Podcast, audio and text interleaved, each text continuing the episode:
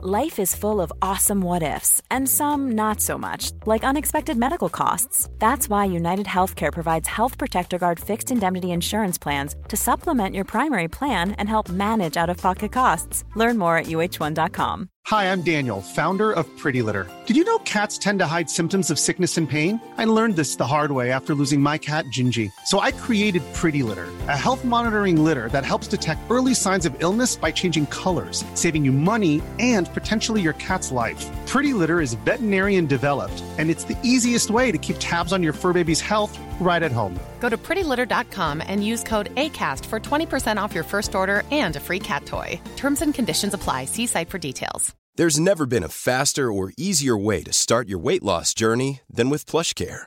PlushCare accepts most insurance plans and gives you online access to board-certified physicians who can prescribe FDA-approved weight loss medications like Wigovi and Zepbound for those who qualify. Take charge of your health and speak with a board-certified physician about a weight loss plan that's right for you. Get started today at plushcare.com slash weight loss. That's plushcare.com slash weight loss. plushcare.com slash weight loss.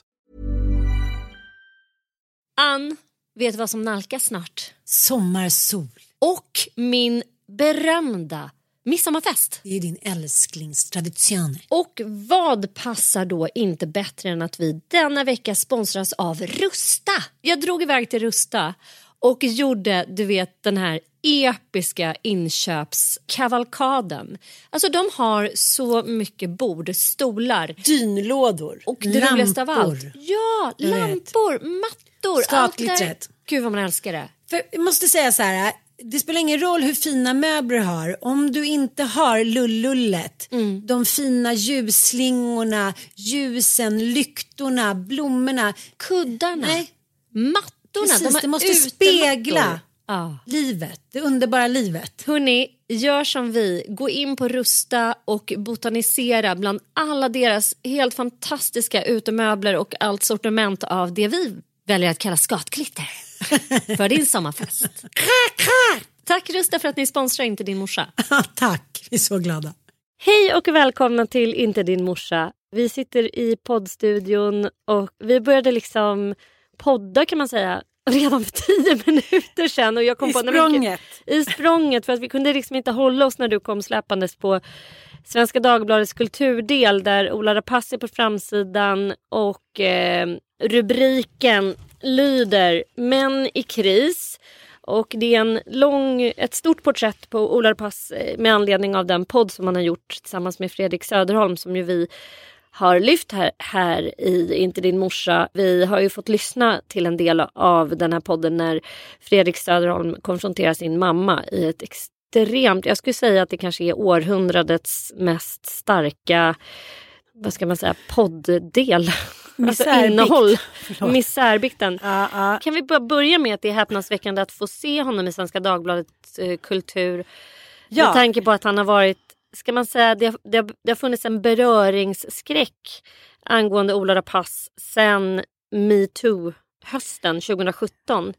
Han har liksom inte fått några jobb.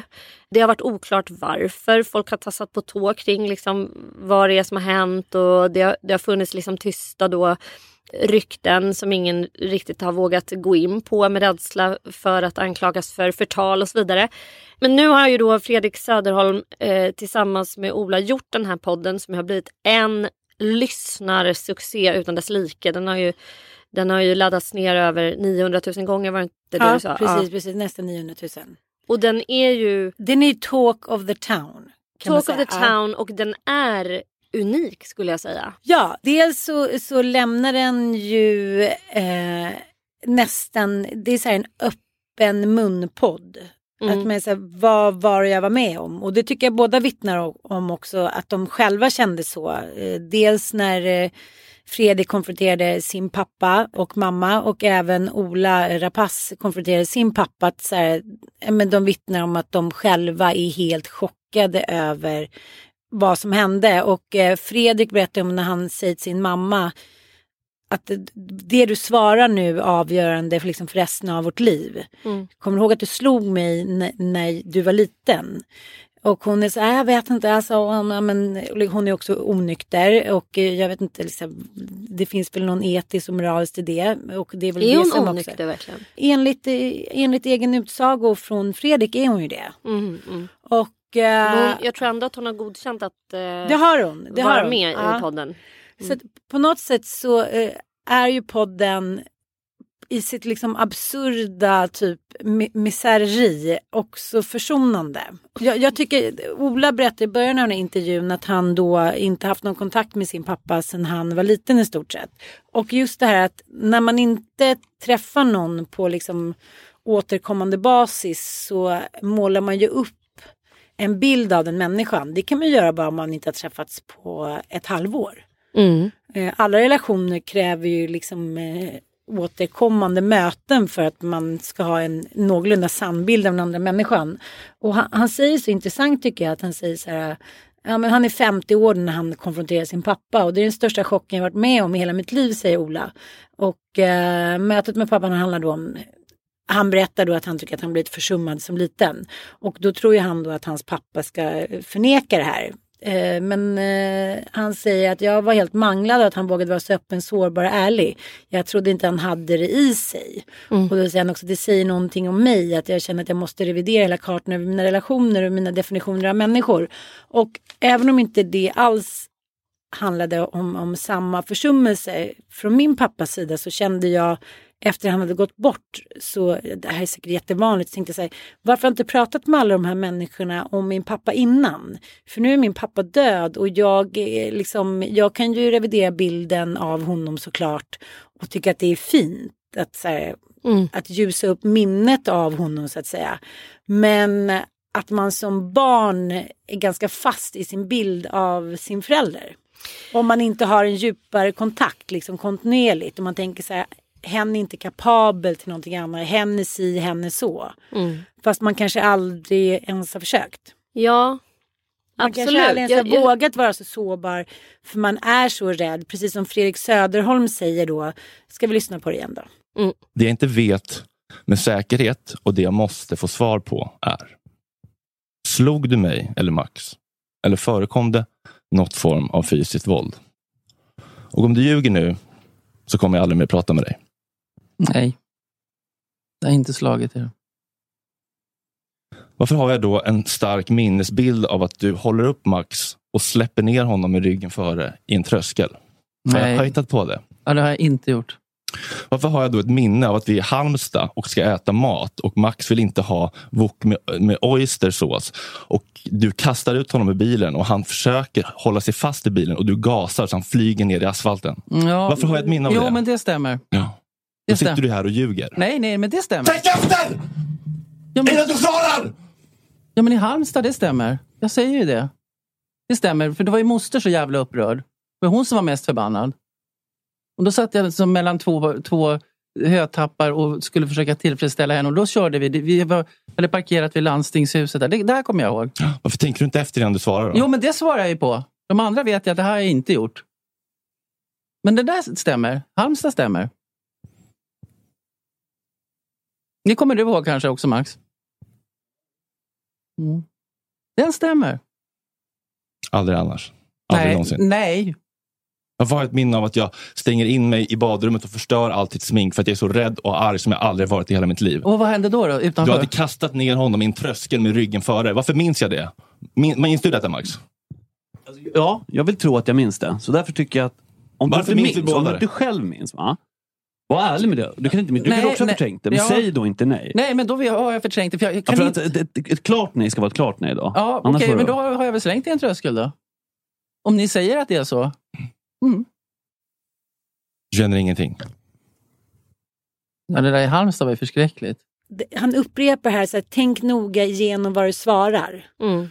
Och sen så, är hon liksom nekande och jakande. vet du, Och sen så är, mamman då lite så här, jag vet inte om... Och då får han en blackout. Han bara skriker rätt ut. Mm. Och jag vet att jag har sagt det förut, men, men det hände ju mig under den här anhörigveckan i Skåne. Mm. Att liksom för tionde gången höra den här historien om de här nyktra männen som ska skämta bort då 20 års supande och liksom misär i familjen. Med så här, det var lite tokigt, jag eh, låtsades att jag skulle jogga och så sprang jag ner på stranden och drog ner bärs, tre bärs och ett par shot. Allting handlar ju om att det är skam som sipprar ut men till slut så orkar man inte liksom med att människor som har sårat en eller man vet har sårat människor ska dölja liksom sin sårbarhet bakom även om, om, om det är det sättet som vi många hanterar skammen på. Liksom. Mm.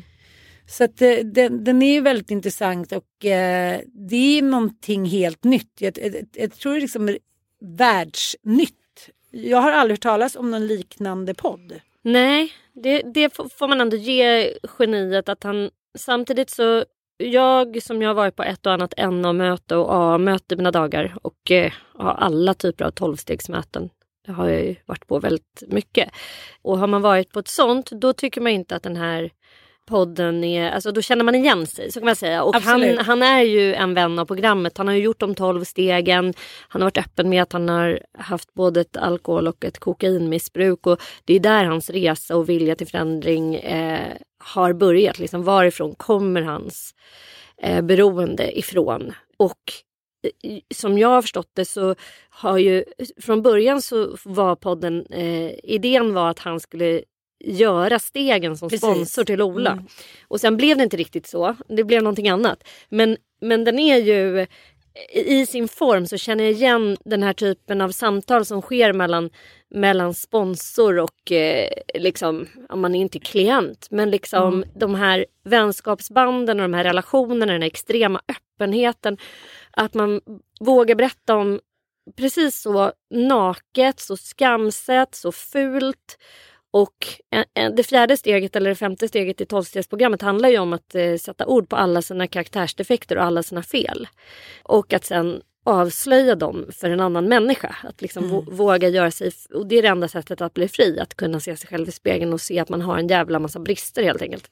Och det är också en extremt viktig del i att göra sig fri från eh, ångest och eh, försöka skilja på vad som är sjukt och friskt i, i en själv. Liksom. Och sen ska man ju fortsätta göra den här moraliska eh, ransakan av sig själv varje dag för att inte trilla dit. Och, och det är väl det jag kan känna med den här podden att jag, jag hoppas att den inte bara stannar vid det här. Den Nej. här bekännelsen, den här bikten. Det är ju som en bikt dem emellan där de drar fram den smutsigaste av de smutsigaste bykar och sen att de också går in och det är väl kanske det som är häpnadsväckande för att det är män som eh, ens intresserar sig för det här innersta och intresserade av att se sig själv som små sårade barn. Det är ju ändå det är rätt ovanligt. Jo jag vet men det som jag tycker är intressant och det som gör podden möjlig och eh, liksom att det också skapar en utveckling är ju just att geniet Söderholm är en sorts mentor. Mm. Och det säger också Ola att så här, jag har ju lärt mig mer av honom än han har lärt sig av mig. Mm. För när man är det där blödande, sårade djuret, han säger också att den, när de började spela in podden så hade han ingenstans att bo. Han sov på en parkbänk några nätter, han fick inga jobb. Nu, nu har han en lägenhet och har ett produktionsbolag, tv-produktionsbolag och sådär. Och jag, jag tycker att det är väldigt intressant för att när man inte har någonting att förlora så finns det två vägar att gå. Mm. Antingen så förlorar man ju allt och liksom loppet är kört typ. Ja. Eller också så vänder det där. Mm. Det är också därför mycket kreativitet kommer ur det när man lyckas vända det. Och det är ju så här, ja, men uttjatad liksom, klyscha. Så här, när man mår som sämst så är man som bäst typ och sådär. Jag, jag tänker på min egen situation under åren. Dels med mitt ex. Där jag läckte väldigt mycket när allting var som jobbigast. Och vad det gör med en att läcka sådär mycket. Mm. Det- Hur menar du läcka?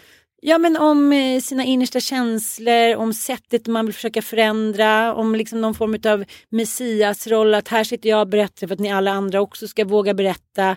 Att man tar på sig någon roll att så här, jag, jag ska hjälpa er alla, jag är någon så här eh, medberoende frälsare och så är det ju lite här också att de så här, jag kände mig inte att jag var på botten av mitt liv och så på en parkbänk, absolut inte.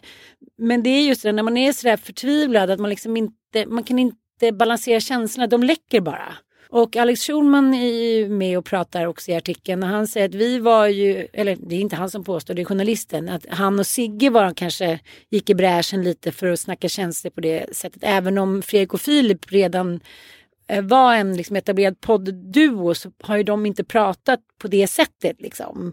De kanske inte har suttit och gråtit eller pratat om barndom och liknande. Det gjorde ju verkligen liksom Sigge och Alex. Men att Alex känner så här jag klipper bort det nu om jag blir för sårbar eller börjar gråta och att man kanske inte märker eh, att man på något sätt förlorar sin inre kärna till alla andra. Alla andra får något, på något sätt bestämma över ens känsloliv och så hade tydligen Amanda sagt så här, det känns som hela vår familj läcker. Mm. Jag kände igen mig lite, jag kände mig också lite sådär, ja, jag fick lite sådär, vad ska man säga, ångest över att jag bestämde så mycket över mitt ex också, vår familj. Och hur, Ja, hur hur- mycket ni skulle använda er av den berättelsen Precis. i, ja, i ditt Och- skapande och, eller vad man ska säga. och i då mitt liksom sårade ego och det här tycker jag är väldigt vanligt, jag ser mig hela tiden, så tyckte jag att nu får jag göra det här. Mm. Det här nu är liksom min historia och det är det han får offra. Han måste offra någonting för mig för att han har utsatt mig för det här. Och där handlar det också om det personliga ansvaret. Ja men då vill jag ändå Ja. säga också för att jag tänker att det finns ju ett tydligt eh, maktförhållande om man tänker på Fredrik Söderholm och hans mamma. För han har ju dels en publik och sen Ja. har ju han en enorm förmåga att skapa innehåll och ett narrativ. Mm. Han är ju en berättare utan Guds nåda. Han har liksom tagit den här Eh, han har tagit makten över narrativet, Ja. över berättelsen om Mm. den här barndomen. Mamman är ju fullständigt oförmögen att ge sin bild och version. Alltså han pratar ju bara ner henne totalt. Så här var det inte utan så här var det. Eh, och i relation till ditt ex så vet ju vi att, vi att han också har talets gåva Ja. och berättelsens gåva. Don't use it! Nej men han har, och det kan man ändå Ja. säga, där har ni ju faktiskt en, eh, där finns en maktbalans. Mm, mm. Men däremot i din nuvarande relation, det skulle jag kanske tycka var mer då tveksamt. Eh, att vara liksom en partner som inte har förmåga, som kanske inte överhuvudtaget arbetar med det vi gör. Och det tänker jag om Alex och Amanda också. Båda har poddar, båda Ja. pratar väldigt initierat och innerligt om liksom dels den gemensamma relationen och sina uppväxter och sådär. Jag menar inte att det sk- ska tysta en men däremot så ska man ju vara jävligt medveten om det i alla fall. Att man tar, jag tänker också på, på Kalle Schulman som nu ska starta en podd tillsammans med Fredrik Söderholm. Mm. Alltså det här är väldigt insyltat eh, känner man här nu. Men det kanske blir första gången vi får höra Kalles då. Han, han kanske Mm. är en helt annan bild av den här barndomen som så många av oss kan utan och innan via Alex i Ja, Alex och Sigges ja. podd. Alltså vi kan ju allt om Allan Schulman och om Lisettes uttryck. Eh, och om hur, hur, liksom hennes histrioniska eh, sätt att vara och, och så vidare. Men nu kanske vi får en helt annan bild. Mm. Det, det ska bli spännande att se. Ja, avslutningsvis då så eh, tycker jag att det var väldigt spännande att han säger att min dotter ringde upp helt spontant och hon har aldrig tyckt att någonting jag någonsin har gjort har varit bra. Mm. Och det fastnade så starkt i mig för att hur livet än gestaltar sig och jag menar, lyck, lycka och liksom olycka och misslyckande och, och liksom lyckande och hit och dit så, så tror jag för väldigt många människor så, alltså rent historiskt så tror jag att det har varit väldigt mycket viktigare. Man kanske har ett sken av att ens barn ska tycka att man är en hjälte. Mm. Jag tycker det är otroligt viktigt att mina barn ska tycka att jag är en hjälte. Mm. Att för då Ola som säger så här, min dotter, jag, jag tycker det är så otroligt starkt. Min dotter har aldrig någonsin tyckt att någonting jag har gjort har varit bra. Och hon ringde... Förutom det här då. Ja, och då ringde hon upp och sa det så här, pappa det här var riktigt jävla bra. Mm. Och eh, man måste ju, det här, tycker jag, det här tycker jag är det modiga och det här tycker jag är det moderna. Att man kan tabba sig, det kan gå åt helvete men sen kan man inte bara tro att det räcker med att berätta någonting. Man måste också offra någonting, precis som du säger. Det räcker inte med bikten. Mm. Det måste vara ett offer. Man måste eh, göra någonting för att få respekten tillbaka. Det Mm. räcker inte bara med att läcka. Nej det gör jag inte. Nej. Nej. Frågan är om bikten är, alltså räcker det med att han använt den här bikten så att vi alla andra ska få ta del av det? Eller krävs någonting mer? Jag tycker det är så spännande. Nu ska de göra en säsong till. Mm. Och då ska ju eh, Ola vara producent. Aha. Ja. Och Fredrik då eh, skrev till den journalisten att ja, han, han tycker att han blev klippt som the bad guy. Mm. Och så haha, eh, fick bära off. Men nu kan han kanske ta av sig offerkoftan och själv producera. Så att, eh, ja, det ska bli väldigt spännande. Ja, otroligt spännande. Vi emotser detta. Ja, det, är- det är spännande på så otroligt många nivåer. Och det tangerar också min spaning. Eh, och jag vet att vi har sagt det här i podden. Det är väldigt bra att ha en podd för det får mig att känna mig som en otrolig sägerska. Som en otrolig... Som en levande- Som en sägerska här. Ja, Men ja. du vet att jag har sagt att jag tror att den stora heta nya trenden. Vi kommer ju gå ifrån att vara det biomedicinska synsättet på psyket och, och så kommer vi återigen eh, gå tillbaka då till trauman, barndom, att det är det psykodynamiska liksom, synsättet eh, som formar oss och våra beteenden. Det är Jung. gör. Mm. Jung och Freud. Eh, och liksom den här podden är väl extremt mycket ett, ett sånt, vad ska man säga, de använder det narrativet. Att så här, det här var våra skitbarndomar och då blev det så här. Allt gick åt helvete. Mm. Och, och allt handlar om barndomen. Och, och de, det är ett tydligt exempel på att det troligtvis beror väldigt mycket på det också. Ja. Ja. Jag har ju då ägnat, eh, det finns en serie nu som eh, vår älskade vän Storycoachen har tipsat oss om. Vi började avnjuta den här serien när vi var i eh, Hundfjället och den heter This is us. Den går på Prime, eh, Amazons då, streamingtjänst. Och eh, det finns en väldigt rolig liten sån bild som folk delar när de har lyckats hitta en fantastisk serie med så här 18 avsnitt per säsong, 50 minuter långa avsnitt och det är så fem säsonger. Typ. Och så är det en, gigant, en människa som bara ligger i en soffa med en du, du vet sån stor eh, ostbågepåse så att det liksom, den tar över hela rummet. För att man aldrig vill sluta. och det, jag har varit som den ostbågepåsekillen i Du soffan. har liksom haft jag en stor bara, svart sopsäck. Ostbåge. Ja, och bara varit som en jävla hamster. skolkat från livet och inmundigat denna här serien som ju också då är en serie på detta tema, det freudianska. Nej, men den här är så fantastisk. Den, eh, den handlar ju om en familj. Eh, Alltså det en får jag bara säga, jag måste bara säga pilotavsnittet är bland det snyggaste jag den de snyggaste pilotavsnitten jag har sett. Pilotavsnitt gör man ju i USA eftersom det är en sån jävla business att, eh, att sätta igång en produktion. Så då får man ju göra ett testavsnitt. Mm. Och då ska det vara ett avsnitt som liksom går till historien som gör att folk vill ha mer och mer och mer. Precis. Och det här avsnittet det det tilltalar ju också dig rent estetiskt väldigt mycket.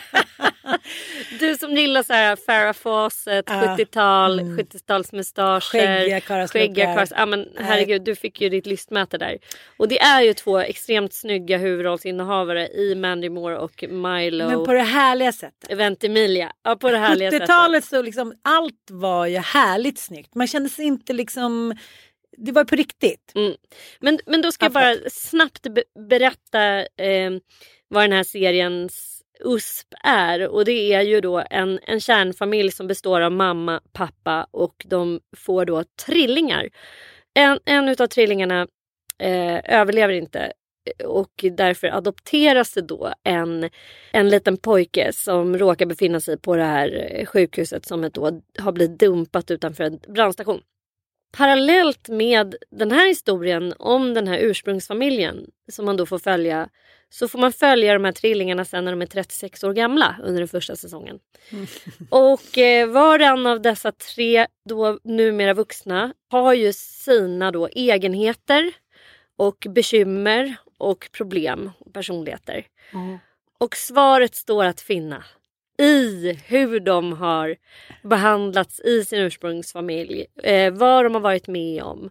Så att vi får hela tiden liksom se deras eh, vuxna kamp och sen speglas i barndomens olika skeden.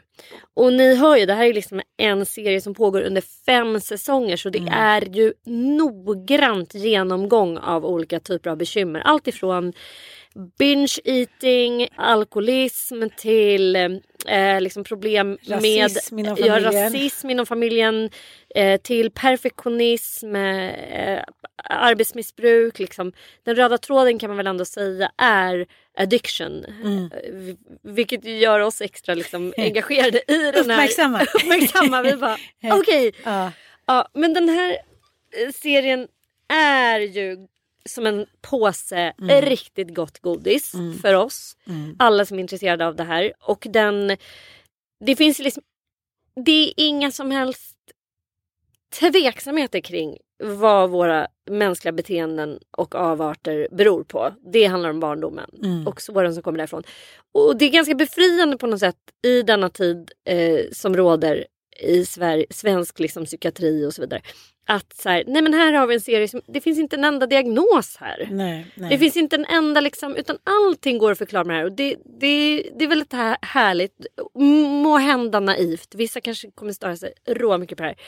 Men man ska också säga att de har inte egentligen några så här extremt allvarliga typer utav eh, liksom bekymmer utan grunden i den här, till skillnad från Ola Rapace och Fredrik Söderholms Ja. podd, så är det här liksom grundglada Ja, människor. och föräldrar som älskat dem. Ja, alltså den genomsyras av kärlek så det är Ja. ingen depprig story det här Nej. utan det är så här, man, man har varma goda känslor rakt igenom. Mamman i familjen eh, sa en sak som jag har tänkt så himla mycket på och som jag har använt som rättsnöre i mitt liv. Mm.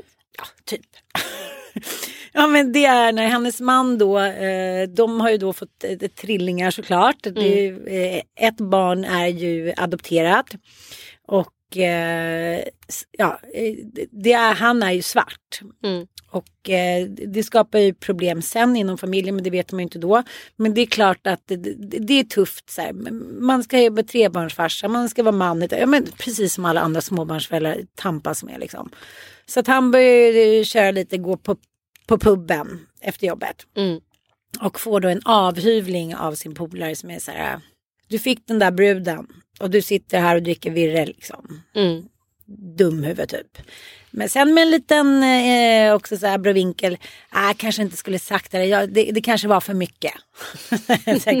Kanske var för mycket av en kille att säga till en annan kille inom eh, klubben. Men då kommer han hem på natten och eh, eller sent på kvällen och barnen sover. Ja men du vet, det har bråkat så det är hitan och ditan fram och tillbaka och lilltjejen äter för mycket och det är så här, ja men sånt som man tampas med dagligdags. Eh, och då kommer han hem och är lite på lyset och eh, hon bara tappar det. Och han har köpt med sig några jävla smycken med någon månad. Allt är också så klyschigt men stämmer också väl överens också med ens egna liv. Man bara okej du fick en liten present nu och tack. Så bara okej då. Men då säger hon, eh, eh, hon säger en kommentar som jag tycker är så jävla bra. Hey, how do you think we're doing so far? At parenting? Because I think we're at a six. On a sliding scale, one through ten. I think we're at a six. I think I'm being generous. Seven, fine. but only because there are three of them. And the thing is, I'm trying really hard to get us to a nine. Because they are cute kids and they deserve nine parents. And the thing is, I feel like I'm there, Jack. I feel like I'm operating at a nine.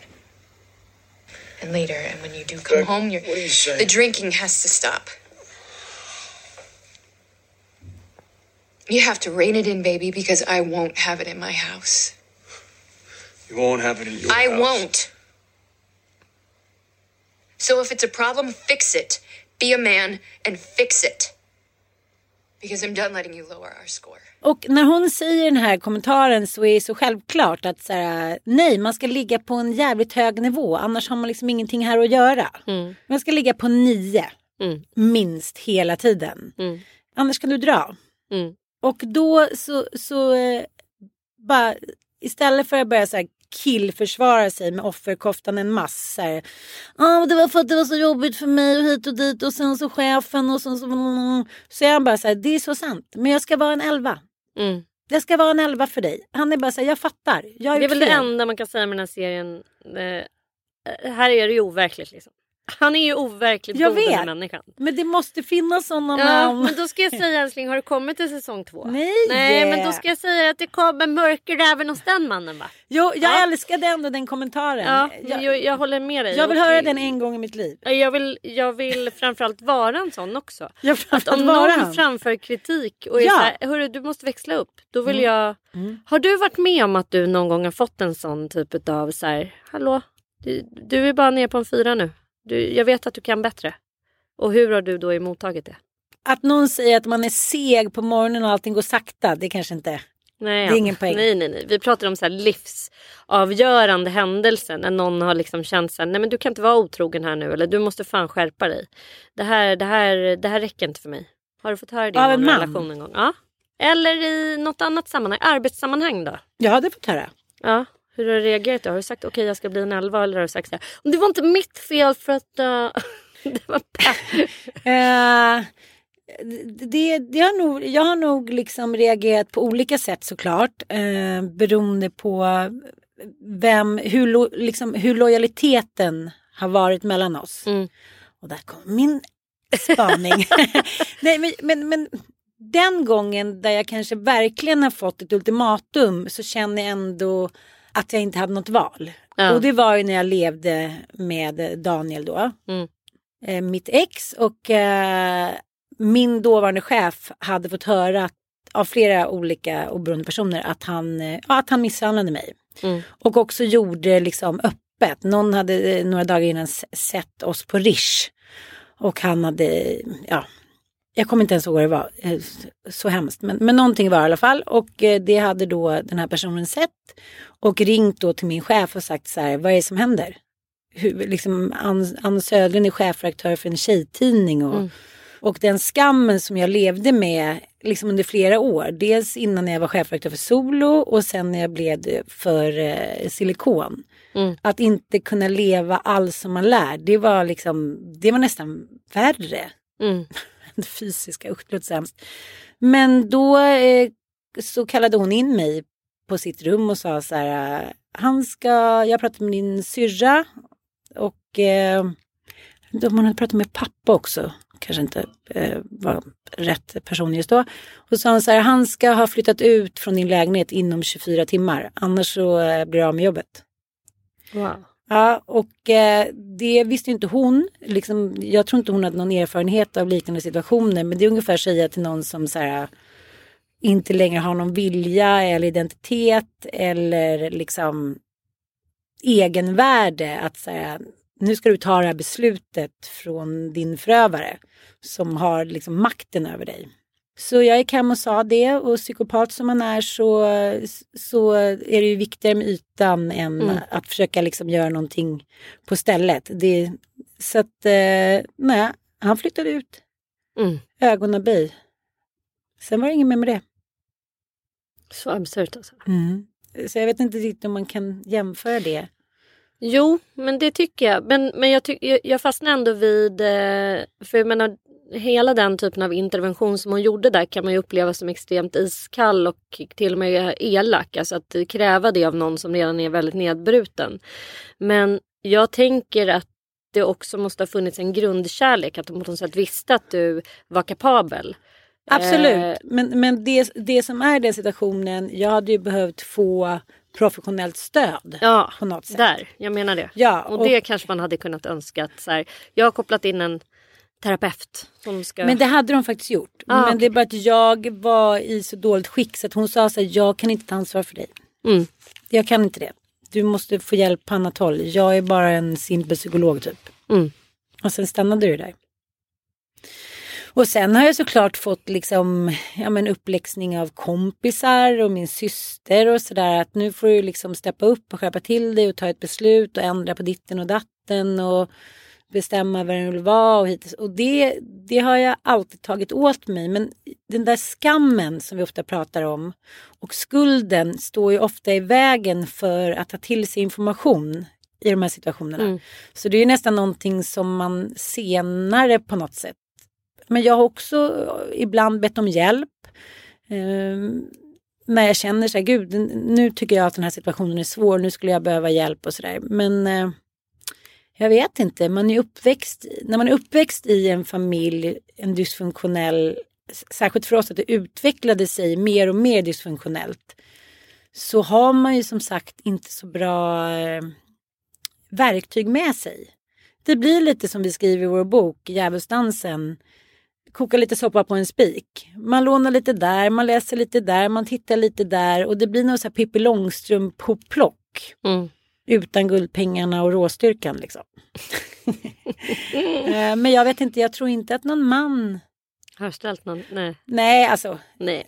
inte på det sättet, men, men det kanske också säger någonting om mig om jag nu ska eh, använda en, paraf en parafras som eh, parafrasera Ola Rapace att jag kanske heller, jag har liksom aldrig valt någon man i mittemellanfållan på något sätt. Utan det kanske har varit antingen eller. Och jag tänkte på det, min lilla spaning, igår natt när jag låg och tittade på eh, Tillsammans med Strömstedt. Mm. Jag, jag var ju så lycklig, jag kunde nästan inte sova när jag hade sett eh, när de var hemma hos Dominika. Ja, och, har du Gud sett det? vad sugen man blev. Nej men jag har ju sett Nej. reklam för det hela tiden. Jag tar så här, honom måste- bara. Jag tar honom. Jag tar honom vilken dag som helst. Nej. Förlåt Dominika. Nej, men jag träffade Dominika på eh, Lin Ekserts bokrelease häromdagen. Mm. Och jag slås hela tiden av... Hon pratar på ett otroligt roligt sätt. Hon liksom sväljer ändelserna. Mm. Och så slickar hon sig med... Mm, mm, mm. Det är snusen tror jag. Ja, och så kollar hon så här som att hon hela tiden har en liten räv bakom örat. Och så är hon liksom, hon är öppet sensuell och köttig. Hon är så här, I'll do what I want. Jag, så här, jag erövrar allt jag vill. Hon är liksom på jakt hela tiden. Men inte på något så här elakt sätt. Eller, eh, jag tyckte det var otroligt intressant att se deras samspel och deras fortfarande så totalt uppenbara Förälskelse. Ja. Mm. Och det som slog mig, jag tror att när man börjar sakna det, då börjar relationen knaka. Mm. Deras totala lojalitet. Mm. Inte något litet tjuvnyp, inte så här, men det var ju då du var så, utan bara så här, det är så hon är, men hon är ju fantastisk. Det är så han är, men han är ju fantastisk. Alltså det gick liksom inte att få någon av dem att så här, säga minsta lilla minikini taskiga grej eller dåligt. Det var bara så här, ja, vi måste lyssna på det här. lojalitet mellan er. Det är klart vi har. Alltså, vi, vi behöver inte gå in på den mediala hände. krisen när ni var på den här sommarfesten och det som blev efterspelet till det. Höll ni ihop då? Liksom, eller hur? Självklart. Ja. Vid sidan av att vi är väldigt förälskade och fortfarande har den här förälskelsepersonen som bor i vårt förhållande så är vi väldigt lojala, oerhört lojala mot varandra. Det är klart att vi är. Självklart. Men de, You de, me. Jag bodde granne med Dominika eh, back in the days. Just när jag var uppe på Ville. just ja. Hon hade någon relation där med någon i huset eh, i, vårt, liksom, i vår bostadsrättsförening. Eh, men sen bosatte hon sig där på Swedenborgsgatan och hon käkade då med sin dotter middag på Halfbo in varje kväll. I stort sett. Och sen käkade hon frukost på ett fik där jag också ja, brukade fika. Men hon är ju extremt gullig. Men jag, jag minns vid något tillfälle när hon berättade om sin metod för uppvaktning. Mhm. Och Hon bara, nej men jag tröttar ut dem bara. Alltså jag kastar mig på dem som en liksom, tiger. Och bara pumpar på med liksom rosor, kärleksbrev, eh, komplimanger. Jag är liksom, jag är besatt. Och jag visar det. Jag spelar inte svår. Men sen helt plötsligt så bara stänger jag av allting. Stänger av kranen med bekräftelse. Så blir det tyst. Då har man fångat dem.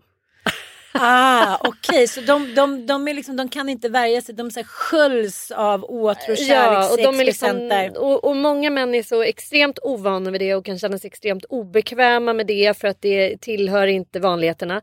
För att kvinnor då fostras till att spela svåra och till att vara passiva i den här typen av uppvaktningsprocess och så. Eh, så, så de blir så otroligt liksom, taken by surprise och eh, ja, kan ju tycka att det är rätt lätt obehagligt. Men samtidigt var hennes då teori att alla människor älskar ju att bli uppmärksammade, uppvaktade och bekräftade. Så till milda grad att det spelar liksom ingen roll om det är en man eller kvinna som blir det. Och det liksom bara skickas rosor och det, hon, hon, hon körde på liksom stora artilleriet. Och sen så bara försvinner det. Och då, Då har de blivit liksom, ja de blivit beroende. Och då har gud, man jag- fått jag- dem på kroken. Det är kanske så jag också gör. ja, jag, jag Spring- gör det. Det ja, vår- det, det stämmer så väl och du vet att du och jag ibland pratar om det, både i den privata sfären och man kanske ser någon i det offentliga rummet att det är så här Tänk att bli älskad av en kvinna på det där sättet. Att man, så här, man väger liksom 150 papp, man har så här, grått hår och liksom hår i näsan och så här, Och ändå sitter en kvinna som tittar på en som att man vore gud. Mm. Mm. Och jag tänker att det är inte bara förbehållslöst genier. Det, det ser man ju i vardagen överallt. Mm. Kvinnor och män som är så här. Nej men gardinen liksom eh, dras aldrig ner. Mm. Och jag tänker att, att det är ett hårt och medvetet jobb. Ja. Att älska någon på det sättet. För jag gjorde ju det med mitt ex ganska länge. Mm. Att det så Gjorde här, du verkligen? Ja, att så här, det var liksom eh, det var vi och det var the love of my... Jag gjorde liksom ingen analys av vad jag fick eller om vi passade ihop eller vad det ledde till. Det var bara så det skulle vara. Samtidigt så kan jag sakna det för att det är väldigt skönt att ha vakna upp varje dag och ha ett mål och mening och en riktlinje. Mm. Vi två för alltid. Mm. Men, men en, vissa människor har ju det gång på gång på gång. Det, det känner jag inte. Att, det det där en gång till. Det, det liksom, jag tror man kanske gör det en gång så där länge och sen inser man att det där Fast håller inte. Dominika verkar ju vara liksom, hon verkar ju leva den typen av liv. Att hon vill leva sådär passionerat och i den där tvåsamheten och i den där... Ja men för hon, är så liksom... ro, hon är så rolig också. Förlåt. Mm. Okej jag ska bara ta. Hon är så rolig också för att hon, vill hon klarar inte av att bara bli intervjuad. Så hon liksom ska ju kötta på tillbaka. Så, ah, hur många gånger i veckan pippar ni då? Så du vet, ja, men, Jenny Hon vill så ta här, makten över narrativet. Ja, hej, och Jenny är inte alls beredd på det och kanske liksom Ja, de kanske inte lite obekväm. Precis. Så det var ganska roligt men samtidigt så kände jag bara lojaliteten. Jag, jag, jag älskar människor som är sådär lojala med varandra och Mm. jag det är ju svårt men om man bestämmer sig för att man ska vara en sån människa mot den man älskar då är det svårt att någonting liksom kryper in. Jag både älskar och, ha- och hatar den. För jag tycker också att det finns något väldigt otäckt med att man bestämmer sig för att så här, nu ska vi vara lojala här och eh, så på något sätt ser man mellan fingrarna med karaktärsdefekter för det är klart att varken Dominika eller Anders Borg är perfekta. Och det är klart att, eh, alltså I herregud. varandras ögon är de. Ja men det är det som också blir lite otäckt liksom att man försvarar någon till dumhet liksom. Och varför behöver man det egentligen? Är inte det en typ av så här, är inte det ett falsario? Det finns en problematik tycker jag i det här avsnittet. Mm. Om jag sätter mig på exfruns sida. Mm. Och även exmannen. De hade ju, var ju båda i relationer. Mm. När de blev tillsammans. Och hade barn med den respektive personen. Och det var ju ganska eh, frapperande. Att eh, Dominika då lanserade sin otrohetssajt. Just Där det. hon, var, där hon var ansiktet utåt så här. Kiss and don't tell. och eh, hon sa någonting som är väldigt bra. Att, att vara otrogen eh, framstår så rätt liksom, i teorin. Mm. Men eh, när moralen så här, börjar knacka på axeln så är det ganska få som klarar av att leva med det. Liksom. Ja. Så hon hade ju redan efter en vecka gått hem och sagt det här går inte längre och jag är kär i Anders Borg och eh, även fast hon sa jag visste inte vad som skulle hända då. Men, men just det här att det kände jag lite att det kanske de hade kunnat göra lite snyggare. Men nu var det så här, ja, men han mejlade henne om någon eh, artikel, hon hade en debattartikel hon hade skrivit i Expressen och sen så svarade hon liksom eh, och han var så, nej men det var inte det att jag var intresserad, jag tyckte bara att det var en bra artikel. Hon bara så här, nej det var inte ens bra typ. Och eh, hur de då blir störtförälskade i varandra på en vecka. Och så vet man att, eh, att särskilt han då, hans fru. Mm. Hon, hon tog inte det här helt Nej, och, hundra bra. nej. Nej. Kanske inte vet Kanske, nej. Och, eh, så där kände jag väl lite att, att när man är förälskad så blir man ju eh, helt fri. Alltså, man, är fri från moraliskt ansvar för kärleken. Är liksom, Hänsynslös ja, kan man ju bli. ja. Ja, och det är väl det jag menar med den där lojaliteten Mm. också. Att man bara kan byta lojalitet då. Och det verkar ju vara så för så här två sam, samma människor. Att så de går från det ena till den andra famnen. Mm, mm. Och att det kan också gå väldigt snabbt. Att det finns inget litet rum däremellan. Eh, på ett, som man på ett snyggt sätt då kan... Men jag tycker ändå han, han är ganska ärlig Anders. Han säger så här. Vad jag känner över de flesta män i min närhet så går man direkt från en kvinna till en annan. För man blir intresserad av en annan kvinna. Mm. Medan kvinnor lämnar någon för att de vill vara själva och liksom ta reda på vilka de är och vem de vill vara med. Mm. Kanske han också borde göra. Mm. Mm. Men inte nu för de är så lojala och så kära och det pippas och lagas mat och dit och dit. Ja. Mm. Ja, nej men vi ska, vi ska återanknyta till This is us. För det här var ju som en litet, liten Avbrott. av, avstickare där. Eh, vi har tittat på tv mycket den här veckan. Mm. Nej men, eh, för jag hade ett långt samtal med Olga igår. Och det är någonting så, som är så jävla fantastiskt med att ha vuxna barn. Mm. Att man, det är möjligt att inte alla vuxna barn är lika intresserade av att psykologisera och analysera som, Nej. som Olga är. Olga började väldigt tidigt med Ja, den. hon, hon har ju det intresset i rakt nedstigande led från mig och si- sin eh, mormor då, min mamma som ju också var psykolog och sen i, på hela hennes pappas sida så är det ju psykiatriker och freudianska analytiker och allting. Mm. Så det, det där är liksom Högdjur. Ja men för henne är det som att sitta och Ja. prata om precis vad som, alltså det är mer, det är så man förstår sin värld på något sätt. Men och hon, jag har ju tvingat henne att börja kolla på This is us också. Jaha. Mm, så vi har ju mycket att prata om nu.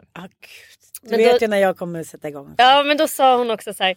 Men mamma tänk dig själv om de skulle göra en This is us om vår familj. Mm. och då konstaterade vi båda två ganska så här krasst och lite sorgligt att så här, det skulle inte bli feel good. Nej. Och det var både så här, vi skrattade ju gott åt det liksom. Att det skulle bli Mm. så mörkrets nästa, det skulle bli så här skräck. Serie, Folk blir typ så här. apatiska så här, orkar inte se ett avsnitt. Nej till. man bara gud det här är för sjukt, det här är overkligt och det finns inga hjältar och folk är för liksom obehagliga och så här. liksom så. Ni såg inga ljusglimtar? Ja men vi, vi såg ju mycket humor i det också förstås. Men det blir ju svårt att mejsla ut karaktärerna liksom. Speciellt när man börjar titta i tredje generation liksom. För då är det ju tre generationer som sk- skulle avhandlas. Liksom. Våra barn, om man tänker sig då att jag och Ja. Micke är Mandy Moore och Milo Ventimiglia liksom. Han är ju så antitesen till den där hjälten. Det är inte så här Micke, du ligger på en sjua, du måste upp på tio. Utan det är så här, Jag ska upp till en tolva sen. Jag ska upp till en tolva. Jag ska bara iväg och dra en snorta först. Ja. Nej men det är liksom... Nej, det och så här, han sitter på en bar och dricker lite för mycket whisky. Ja. Alltså, Klipp till. klipp till så här, pistol. nej men alltså nej. Äh, vi skrattade så fruktansvärt mycket när vi pratade om det här jag och Olga. Att hon ändå kan skratta åt, åt väldigt mycket av det här eh, som ju ändå är extremt tragiskt liksom. Det är någonstans där man hamnar när man lyssnar på Ola Rapace och Fredriks podd också. Att det finns extremt mycket humor. Det, så är det ju även med Alex och Sigges podd. Liksom, att man skrattar åt, åt, åt de här såren som kan göra precis i, i andra sekunder kan de göra extremt ont. Liksom. Mm. Och det är någonting som är så absurt i det. I en del av dimensionen skratta åt liksom bara sakernas absurditet, människors beteende som kan liksom bli extremt komiska och absurda. Men sen kan man belysa dem från en annan vinkel så kan man ju bara bli extremt ledsen när man tänker på det. det Mm. Jag menar, så kan jag verkligen uppleva dig också när du pratar om din pappa. Att du pratar om honom som att han är en nästan så här, en, en tecknad humoristisk figur. Och sen Mm. vet man att det finns liksom en annan botten i det där som inte är dugg roligt. Och, Mm, och mm. som istället verkligen kan väcka en sån avgrundsdjup sorg i dig. Liksom ett grundsår som finns där på något sätt. Det är mitt liksom skrattskydd. Ja, skrattskydd. Pappa köris liksom. Ja. Mm, mm. Men jag, jag har tänkt på det så mycket eftersom jag, jag låg och försökte känna efter igår eftersom jag hade läst den artikeln. Och jag, jag tänkte så här, vad, vad är min sorg och vad är, vad är, vilka är mina barndomstrauman som jag inte har bearbetat och liknande. Och så kommer jag tänka på att det finns en stor skillnad både mellan dig och mig och liksom nej, med, med oss och Olga och liksom våra familjer och Ola Rapace och eh, Genit Söderholms familj och det är klassen. Mm. För att ingenting blir riktigt så skitigt när man tillhör en annan klass som det blir i arbetarklassen. För där finns det ingen försoning. Det kan man ju se tycker jag i Susanna Lakoskis böcker också. Att det är så här, det finns liksom ingen försoning. Det blir aldrig ljusare nästan. det är bara det där liksom superimörkret eller knarkarmörkret eller liksom det, alltså det som framställs. Det är klart att det, det finns ljuspunkter i allas liv liksom. Men om, om jag ser till exempel på min barndom så, så hade jag ju mamman i This is us. Mm.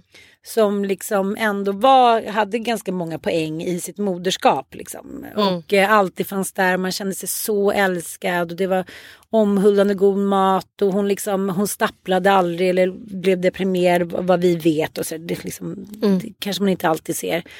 Men jag inser också att jag har liksom skapat en liten serietecknad bubbla av mycket av min barndom för att bli skyddad. Och eh, jag pratade med en kompis som hade varit i Brasilien och gjort det här ayahuasca. Mm.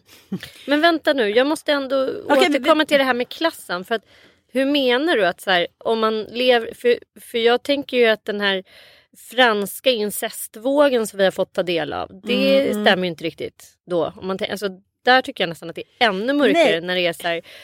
Okej, här är vi uppe i så här bland högintellektuella högdjur som lever i så här övre medelklass. De har gott om pengar, de åker runt på semestrar bland slott och herrgårdar. Och, eh, ekonomiskt och intellektuellt samt kulturellt så be, befinner de sig i så här högborgarnas högborg. Och samtidigt så sker det så här fruktansvärda övergrepp som ingen vågar beröra och prata om. Nej, Eh, nej liksom. det håller jag verkligen med Men nu tänker jag i den kontexten kanske om vi ska ta, vi pratade om det för några poddar sen att Sigge och Alex också pratar om den här podden och att de tyckte lite synd om mamman. Mm, mm. Och, då menar jag även om vi alla har sår från barndomen så har vi, eh, vi har åkt på resor, vi har haft liksom hästar, vi har haft roliga julaftnar. Vi, Men framförallt har vi ju haft föräldrar som också haft förmåga att själva kunna berätta.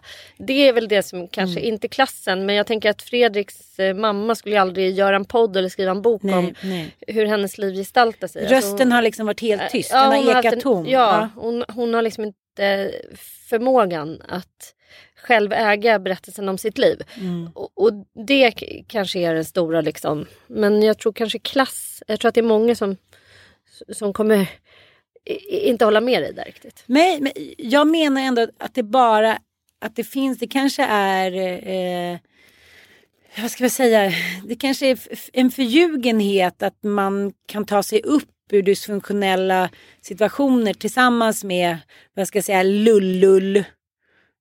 Och liksom, eh, ja, jag tänkte på eh, när vi såg Macbeth i söndags. Så läste jag en recension, jag blev besatt av att läsa recensioner just för att Kristina Skolin blev så sjukt hyllad. Och då var det en recension i DN där det stod så här, eh, pappan står, eh, pappa då, Macbeth, står för en sån ihålig trygghet. Och den här är väldigt svår att dechiffrera när man är barn. Att en förälder har en ihålig trygghet. Jag tänkte ju alltid att min pappa var liksom Lucky Luke on the riding horse with a pencil liksom. Istället för puffra. Men ju äldre jag blev så insåg jag att hans trygghet gentemot mig var ju innerlig och äkta men jävligt ihålig. Mm. Och det var ganska skönt att klä det i ord. För att pappa var ju världens snällaste och världens varmaste. Och han har ju den där auran kring sig att man vill säga man vill sitta, sitta bredvid honom typ. Som en liksom Barbapapa-figur. Det är kanske är därför jag, det känns som att han är tecknad hela tiden. Men det var ju bara den fysiska tryggheten egentligen. Mm. Och, och på ett sätt auktoriteten och tydligheten i att han var en pappa av sin tid. Liksom. Idag tror jag att det hade varit så jävligt svårt för honom att vara pappa. Eh, alltså dels att vara gift med någon som med, med liksom den kunskapen som vi kan tillfredsställa men även att ha ett barn. Tänk dig Köris ha Olga. Han skulle bara ligga ner och säga mercy, mercy. Men, men eh, att det är väldigt få människor som besitter den där eh, kompakta tryggheten och som liksom håller fast den alltid. Och det tycker jag ändå att min mamma fram till hon blev sjuk på något sätt gjorde. Mm. Eh, Det är min tolkning av min barndom och det tror jag har betytt liksom mycket för mig. Även om jag inte vet vad som är vad så, så har den, den känslan funnits där och den tror jag har räddat mig många gånger. Mm. Har du någon sån kompakt trygghet som du känner har räddat dig? Hästarna pratar du om i och för sig. Ja, jättemycket. Men framförallt, jag pratade med, med som sagt efter mitt och Olgas analyssamtal igår. Så, och frågade hon också, så här, vi började prata om det här med, alltså man tänker sig en familj som ett system och som söker homeostas. Alltså jämvikt. Att söka sig till relationer som är stökiga för att man liksom Ja men medberoendet är ju väldigt mycket ett svar på beroendet. Alltså det är ju verkligen en typexempel av homeostas, att man söker balans. Liksom. När någon är den utlevande liksom, Ola Rapace-galningen och sen så finns det då en så här, stöttande medberoende flickvän slash kvinna som eh, är där bakom. Liksom. Eh, för skulle två sådana där utlevande personer eh, existera tillsammans så skulle det bli galet. Så hon frågade mig lite grann om det där. Liksom, att så här, Ja men jag kan nästa, hon sa så att hon, hon kunde känna sig hemma i när människor kring henne krisar. Att hon kan eh, känna sig lugn i då att bli den som så här styr upp. Hon pratar om kompisar som hon bor i. Liksom, hon har ju inte haft någon eh, fast relation så riktigt än under någon längre period. Men, men kompisrelationer som är så otroligt viktiga i den där åldern. Ju. Men vad var det jag ville komma med det? Men liksom att här, se vad man har för mönster och vad man har för roll i sin egen eh, i sin egen barndom och i sin egen ursprungsfamilj. Liksom. Så att jag känner mig väldigt olik båda mina föräldrar. Jag, Ja. jag känner ju så här, men gud vad, vem är jag? Så här, har, Jag, fick- tycker att du är det också. Ja, men, men jag tycker att, verkligen att jag är det. Men jag är å andra sidan väldigt lik min moster. Ja. Och jag hade ju, min moster var ju barnlös och hon var ju väldigt nära oss under hela vår uppväxt. Eftersom hon inte hade några egna barn och hon var då 10 eller till och med 13 år äldre än mamma. Och fanns ju där, hon var gift med en, med en gubbe som hette Allan Flink uppe i Åre och hon jobbade som distriktssköterska och han hade en så souvenirfabrik och vi var ju där hela tiden. Vi var ju där varenda sportlov, varenda påsklov, varenda sommarlov, två veckor, jularna. Alltså, och hon var väldigt mycket hos oss också. Men var din mamma alltid med då? Mm. Nej, inte alltid. Hon var ju, ibland så var jag där själv. Och när jag, var, jag kommer ihåg när Palme dog, då var jag ju sex år. Då hade jag varit hos henne själv en vecka. Och min mormor och morfar och det fanns liksom i hennes... Mamma kom ju från en stor familj. Det var fem barn och så var det mormor och morfar. Sen var det så tre männingar och släktingar och hela den här jämtländska... Så här, Huset fullt. Ja, huset fullt med människor. Och det har skapat en sorts grundtrygghet i mig. Även om det var också ett väldigt dysfunktionellt sätt att bemöta. Vi hade ju då, i mammas släkt fanns det ju då bipolaritet. Och det, eh, någon form av så periodisk alkoholism hos flera familjemedlemmar. Som behandlades Nej men det, det är så konstigt när man tänker på det. De var ju födda mina morföräldrar 1905. Instäng in dem i rummet bara för att supa Nej men det är så här, nu ska han komma hit och ligga. För då var det någon som hade supit till och då skulle han ligga i ett rum uppe på den här familjegården och så här, få supa klart och nyktra till. Mm. Och det, man pratade liksom aldrig om det, att de var där. Så det var liksom, det Nej, fanns bara en så gud, typ- tyst överenskommelse om att så här, nu är han här och vinden, ligger. typ. Ja men verkligen. Usch, så här. Ja, och det var ju så man hade behandlat psykisk ohälsa i Mm. alla tider. Eh, I liksom ute så här på landet. Eller medicinera ner dem bara till grönsaker några veckor. Och Ja, sen så... fast där var, det var de väldigt anti. De, var, de ville ju inte gå till läkare. Alltså min, mam, min morfars mamma, alltså min mammas farmor, hon dog på Frösö lasarett efter, eh, efter en rad elchock. elchocksbehandlingar 1952. Helt ofarligt inom citationstecken. Ja, för hon, hon, hon hade ju då fått diagnosen manodepressiv och Mm. hade ju då fram tills att hon lades in där och då var inte hon purung eh, tagits om hand av familjen. Så hon hade ju då behandlats, dels hade hon ju fått eh, Alltså hon hade ju fått eh, postpartum där, eh, psykos när min morfar föddes och ville inte kännas vid honom. Så han fick växa upp med sina morföräldrar. Alltså hon hade ju psykotiska inslag. Alltså en, en, hon var väldigt, väldigt drabbad av sin bipolära sjukdom. Men det här behandlades liksom. Så det, det, vi, har jag har ju beställt journalerna och det finns ju att läsa då eh, hur hennes man beskriver henne. Ja, alltid på vårarna då slutar hon sova och då, då får vi ständigt gå och vakta henne så att hon, för hon vill ta sig av daga. Och då har de liksom bara normaliserat att det är så vi gör med mamma. På vårarna. När ljuset kommer till Jämtland och det är ljus dygnet Ja, runt. nu är du, det är så, och Ja, Då... nu måste vi vakta Ja. henne liksom för att nu, nu har hon jättehög ångest och, och är psykotisk eller mådde jättedåligt. Det, det, det är absurt och det här, det här fanns ju men det fanns samtidigt så fanns det också en apropå lojalitet, en otrolig så här, omsorg om människor. Vet. Och att här kommer man alltid komma och landa, i vilket skick man än är. Så kommer man alltid att bli omhändertagen, få sig ett mål mat och en säng att ligga i.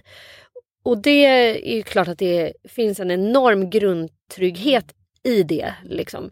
Så det, det måste jag säga att det har funnits i min mammas släkt. En sån eh, känsla av att vara buren.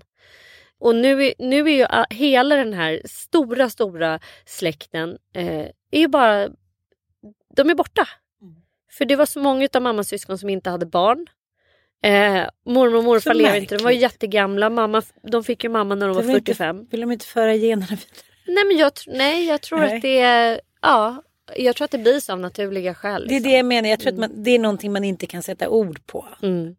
Men det, det är en sak som jag har tänkt mycket på. Eh, jag läser ju eh, om Rich Boy nu för den har kommit ut i pocket eh, av Carolina Ferrada Noli.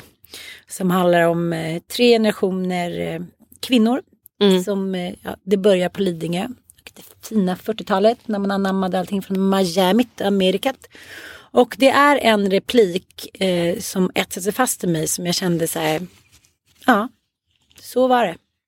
Eh, dottern då till eh, fina mamman, eh, i korthet då, en, en, hennes mamma, den, ja, huvudpersonen träffar en man, de ska få fyra barn och lever the good life. Han är liksom ljuset. Han älskar sina barn, han älskar den här, du vet, allting är liksom bara kärlek. Och sen så blir han påkörd av en ung kille som har druckit och eh, det, då säger dottern så här, den dagen pappa dog eh, så dog också värmen i familjen. Mm. Att vissa människor har den där egenskapen att de sprider värme och de är som katalysatorer för många, många människor. Mm. Och om de försvinner så blir det jävligt kallt liksom. Mm. Och man förstår inte riktigt vad det är som har hänt. Det känns bara plötsligt kallt. Och så var det också när min mamma gick bort tycker jag. Att så här, helt plötsligt så var vår familj inte längre varm. Mm. Och då säger eh, en psykolog till dottern när hon sen söker hjälp att du har vuxit upp eh, i en familj och du har haft allt materiellt och du har haft det bra. Men du har inte fått verktygen eh, för att bli liksom en vuxen person. Mm. Du har liksom lämnat så att så här, din mamma har haft fullt upp med bara överleva och steka pannkakor och se till att ni har liksom eh, mössa på huvudet. Och det, det fanns någon förlåtelse i det och det var väl det som kanske var mammas ihåliga trygghet. Att eh, till slut så mäktar man ju inte, man orkar ju inte ta hand om en jättebebis och ekonomi och grejer och flyttar och bla bla bla och samtidigt lära ut sådana viktiga saker som man själv kan. Och hon var otroligt kompetent med ekonomi och Mm. matlagning och liksom vuxenhet hit och dit. Men, men det var som att det var min syster som fick den kompetensen av henne. Mm. Sen liksom fanns det inte ork till mer på något sätt. Mm. Det var bara en ganska intressant, eh, det här är ju självklara grejer om man tänker på det men det är som du säger så här, fuck biologin, håller på att säga. Nej men att uppväxten eh, formar en så mycket och, och det är bara lite jobbigt att inse men, men det är ju bra och, och på något sätt göra en analys av det och kunna ändra sig. Och det tycker jag är så jävla jobbigt med vissa människor som vägrar att befatta sig med barndomen. Som är såhär, nah, så är det inte, det, det kan jag inte se. Nej, det, det tror jag inte. Det var så bra så man bara säger, men gud jag orkar inte. Varför håller man så, så fast vid det här? Eh, Idag 2022, det är inte så här, det är inte en skam att ing, allting inte har varit perfekt. Nej, och För så var det ju förr i tiden. Ja men sen tror jag också att, så här, att bara försöka titta på var man kommer ifrån och vad som har skapat vissa beteenden hos sig själv och försöka förstå sig själv. Man ska inte göra misstaget att tro att man enbart gör det för att kritisera, eh, hata, eh, liksom minnas det mörka. Ni mot mig. Så här, ah, gud, det är ni som har gjort mig så här och så. För det, det är verkligen inte det det handlar om. Utan det handlar ju om att eh, ytterst lära sig självkännedom.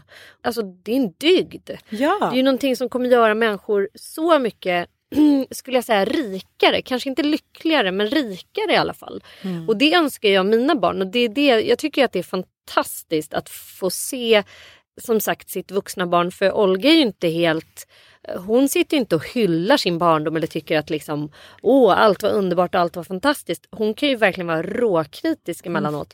Och Och, också- verkligen tycka så att, men gud, varför, hur, hur tänkte ni där? Eller så här. Men jag tänker ju som mamma att det är så fantastiskt att hon vågar ens ifrågasätta det nu. Än att behöva göra det som Fredrik Söderholm i en podd så här, om tio år. Alltså ju tidigare desto bättre. Det kan komma älskling. Det kan, Det komma. kan det säkert Ja. göra. Men jag tycker ändå att det är fantastiskt att hon redan nu, 21 år gammal, har börjat våga se på oss som så här, inte som barndomens hjältar utan att vi är människor med fel och brister och att vi... Eh, och det kan jag väl säga så här, ju mer man har gjort det, för det känner jag med båda mina föräldrar. Det där brinnande nästan hatet som Fredrik har när han eh, konfronterar henne. Jag kan känna så otroligt mycket. Men jag, eh, jag har inte det längre. Jag kan verkligen se på mina föräldrar med enormt försonande glasögon nu. Mm. Alltså jag kan se att de var så små när de fick oss och att de var så ofärdiga som människor och att de hade såna enorma svårigheter med sig själva i bagaget som gjorde det svårt för dem att dels samexistera i ett äktenskap och i en familj och att försöka, alltså de hade inte möjligheten att vara 11 poängare. Nej. Inte ens 10 poängare. De hade Nej. möjligheter att vara 5 poängare kanske. Och det är olika för olika människor beroende på var man själv kommer ifrån. Jag skulle inte, jag, jag känner inget sånt där springande behov av att, nu, nu lever ju inte mamma längre och jag hade konfrontationer med henne eh, under hennes liv. Hon svarade inte som Fredriks mamma. Mamma svarade aldrig liksom på det sättet som vi ville. Eh, man vill ha den här, gud jag ser ditt lidande, förlåt för att jag har utsatt dig för det här. Hon, hon kunde aldrig det. Nej. Utan hon blev liksom helt förlamad av skam. Eh, hon blev förlamad av liksom hon hade fru- fruktansvärt dålig självkänsla i, synnerhet i de perioder när hon var deprimerad och mådde, hade hög ångest. Då tyckte ju hon inte att hon var vattenvärd då och Nej. att i de lägena försöka ställa henne mot väggen. Så här, varför gick du inte i terapi? Varför gjorde du det här? Varför har du gjort så här? Hur kunde du ligga liksom i så här bipolära skov utan att göra någonting? Vi, vi hade några sådana interventioner med henne under våra liksom sena tonår, jag och mina brorsor. Och det, det var ju som att sätta liksom en liten flicka på en stol. Mm, jag ser nästan henne som en så liten minimänniska. Du vet, så här surrealistisk som i Macbeth med en så kanin. Som bara, alltså hon, hon, det var som att skälla på ett litet barn. Som bara, men, jag, kunde inte. Barbro Pyssling bara inte." såhär, Ja. man hör något litet ljud nerifrån. Ja, och hon var, hon var tyst, hon var helt blockerad av så mycket skam och så mycket liksom in, eh, till intet jord liksom av, eh, av vårt fördömande av henne. Så jag, jag kan inte säga att den där interv- de där interventionerna som vi gjorde mot henne eh, gav någonting. Förutom kanske liksom någon känsla av att vi, gjorde, vi synliggjorde det i alla fall. Ja. Vi synliggjorde det. Och det, ja, men det kanske ändå var bra. Både för henne och, för oss. Att så här, vi vet, vi, vi är överens om här vad som har hänt. Vad brottet var under vår barndom på något sätt. Och sen tycker jag inte riktigt att hon kunde hantera det någonsin. På ett moget och vuxet sätt. När hon mådde sådär dåligt i alla fall. Ja, eh, jag vet inte. Men så det, vad ska man säga sammanfattningsvis om våran podd? Det här blev ju som ett walk down the memory lane. Det är alltid ditt fel Ann. Ja, Ja, den här jävla artikeln med Ola Rapace och Fredrik igen. Fast vi behöver det här. Ja, men Var jag tycker att tionde det, samtal man har måste det liksom grottas i barndom. jag tror det också och eh, jag, Speciellt om man är sådana som oss. Ja, och jag tänker så att man måste, jag sa det till Bobo igår, ibland måste man så här, våga göra någonting och inte sticka huvudet i sanden som morfar har gjort och jag i mångt och mycket. Man måste bara walk down the lane och sen så blir det mycket bättre. För det är ju de här stålbaden, vare sig de är stora eller små, som leder till förbättring och försoning. Och jag tycker för varje stålbad man går igenom så blir man en bättre människa. Sen kan man ju sitta där liksom med sin trumpna kaninnos och så här, "Nej, det är ni som gaddar ihop och det det var därför hit och dit. Men till slut så blir det ju liksom ingenting. Det är så här, den människan blir ju till slut ensam. Ja, och jag tänker väl att det här är också en del av evolutionen på något sätt. För att om vi människor ska kunna bli bättre Ja. eh, så måste vi ju så här, vi måste felsöka. Vad var det som Mm, gick fel? Vad gjorde mina föräldrar som inte jag vill göra om? Hur ska jag kunna bli en 10-poängare? Eh, Mm. och, och sen har man ju naturligtvis inte hela kartan men, men jag tycker det var fint att du lyfte ändå så här, vad fick man med sig då? Vad, Mm. vad fick man med sig som var bra? För det är ju lätt att fokusera på det som var uruselt men Mm. Ola Pass har ju säkert fått med sig någonting som var jävligt bra också. Eh, från, och det, det tror jag också är viktigt. Lika mycket som man ska dechiffrera och analysera risiga beteenden. Lika viktigt är det att säga, men gud jag är tacksam för det här. Mm, Jag är tacksam för att det här fick jag i alla fall. Och, och det, det är jag glad för att jag, jag kan se mig mamma. Att, ä, även om, om vi skulle få en extremt så här, mörk This is us. Mm. Så skulle man ändå kunna se henne som en mer hel person. Mm. Än den här liksom Olga stör sig så mycket. Hon var så här, vilken är din favoritkaraktär i serien? Eh, och då hade vi lite olika. Jag vill liksom inte avslöja för mycket. Nej, Ni som inte har sett den här serien och du har ju också så långt kvar. Men den hon störde sig mest på, vilket jag tycker var för- förvånande. Det är mamman. Mhm. Hon, bara, hon är bara så här, vad är hennes jävla roll i livet? Och vara så här snygg bara. Vad gör hon? Hon är bara Snygg och som kär i den där pappan. Hon är en sån mamma som, eh, eh, som Li Strömquist skriver om. En eh, kristdemokratisk mamma. Ja men också så här ihålig trygghet väldigt mycket. Mm. Alltså nu har vi inte kommit, nu, nu, jag är bara inne på säsong två, det är fem säsonger så någon gång kommer vi få liksom se hela hennes Ihålig mörker också. trygghet, uttrycket som förändrar våra liv. och gå och se Macbeth, eh, en fantastisk upplevelse, inte Ah. minst för Kristina Skolin men också för eh, vad ska jag säga, en, en psykologisk studie i hur människan rättfärdigar sin ondska bit för bit genom att så här, Och vad makt gör med människor. Alltså det är en klassiker och det, det som var så absurt i den här uppsättningen det var att det kändes som att så här, oj, är det någon som har skrivit en pjäs om det som händer i vår värld just vet, nu? vet, liksom att den, så här, den här, det här är ju en så jävla tidlös text som går att applicera på allt som händer när människor med makt eh, får frispel att liksom börja bete sig som douchebags bara så generellt. Ja, och, och det som de gör då, de här eh, vad ska jag säga, bestialiska morden, det är att man tänker så här, men vi sa ju bara det, vi menade ju inte det. Och det Nej. känns ju väldigt mycket Putin så här. Bombat eh, BB. Precis, och så här, Eh, nu är det så mycket galenskap där så att vi får bara sluta. Den här podden kommer aldrig ta slut. Vi kanske måste ha en så här, vi kanske måste ha så här gott snack. Daily radio. Puss och kram, tack för att ni lyssnar. Hej då! Planning for your next trip? Elevate your travel style with Quince. Quince has all the jet setting essentials you'll want for your next getaway, like European linen, premium luggage options, buttery soft Italian leather bags, and so much more. And is all priced at 50 to 80% less than similar brands. Plus, Quince only works with factories that use safe and ethical manufacturing practices. Pack your bags with high-quality essentials you'll be wearing for vacations to come with Quince. Go to quince.com slash pack for free shipping and 365-day returns. Imagine the softest sheets you've ever felt. Now imagine them getting even softer over time. That's what you'll feel with Bowl and Branch's organic cotton sheets. In a recent customer survey, 96% replied that Bowl and Branch sheets get softer with every wash. Start getting your best night's sleep in these sheets that get softer and softer for years to come. Try their sheets with a 30-night guarantee. Plus, get 15% off your first order at bowlandbranch.com. Code BUTTERY. Exclusions apply. See site for details. Hi, I'm Daniel, founder of Pretty Litter. Did you know cats tend to hide symptoms of sickness and pain? I learned this the hard way after losing my cat, Gingy. So I created Pretty Litter, a health monitoring litter that helps detect early signs of illness by changing colors, saving you money and potentially your cat's life. Pretty Litter is veterinarian developed, and it's the easiest way to keep tabs on your fur baby's health right at home. Go to prettylitter.com and use code ACAST for 20% off your first order and a free cat toy. Terms and conditions apply. See site for details.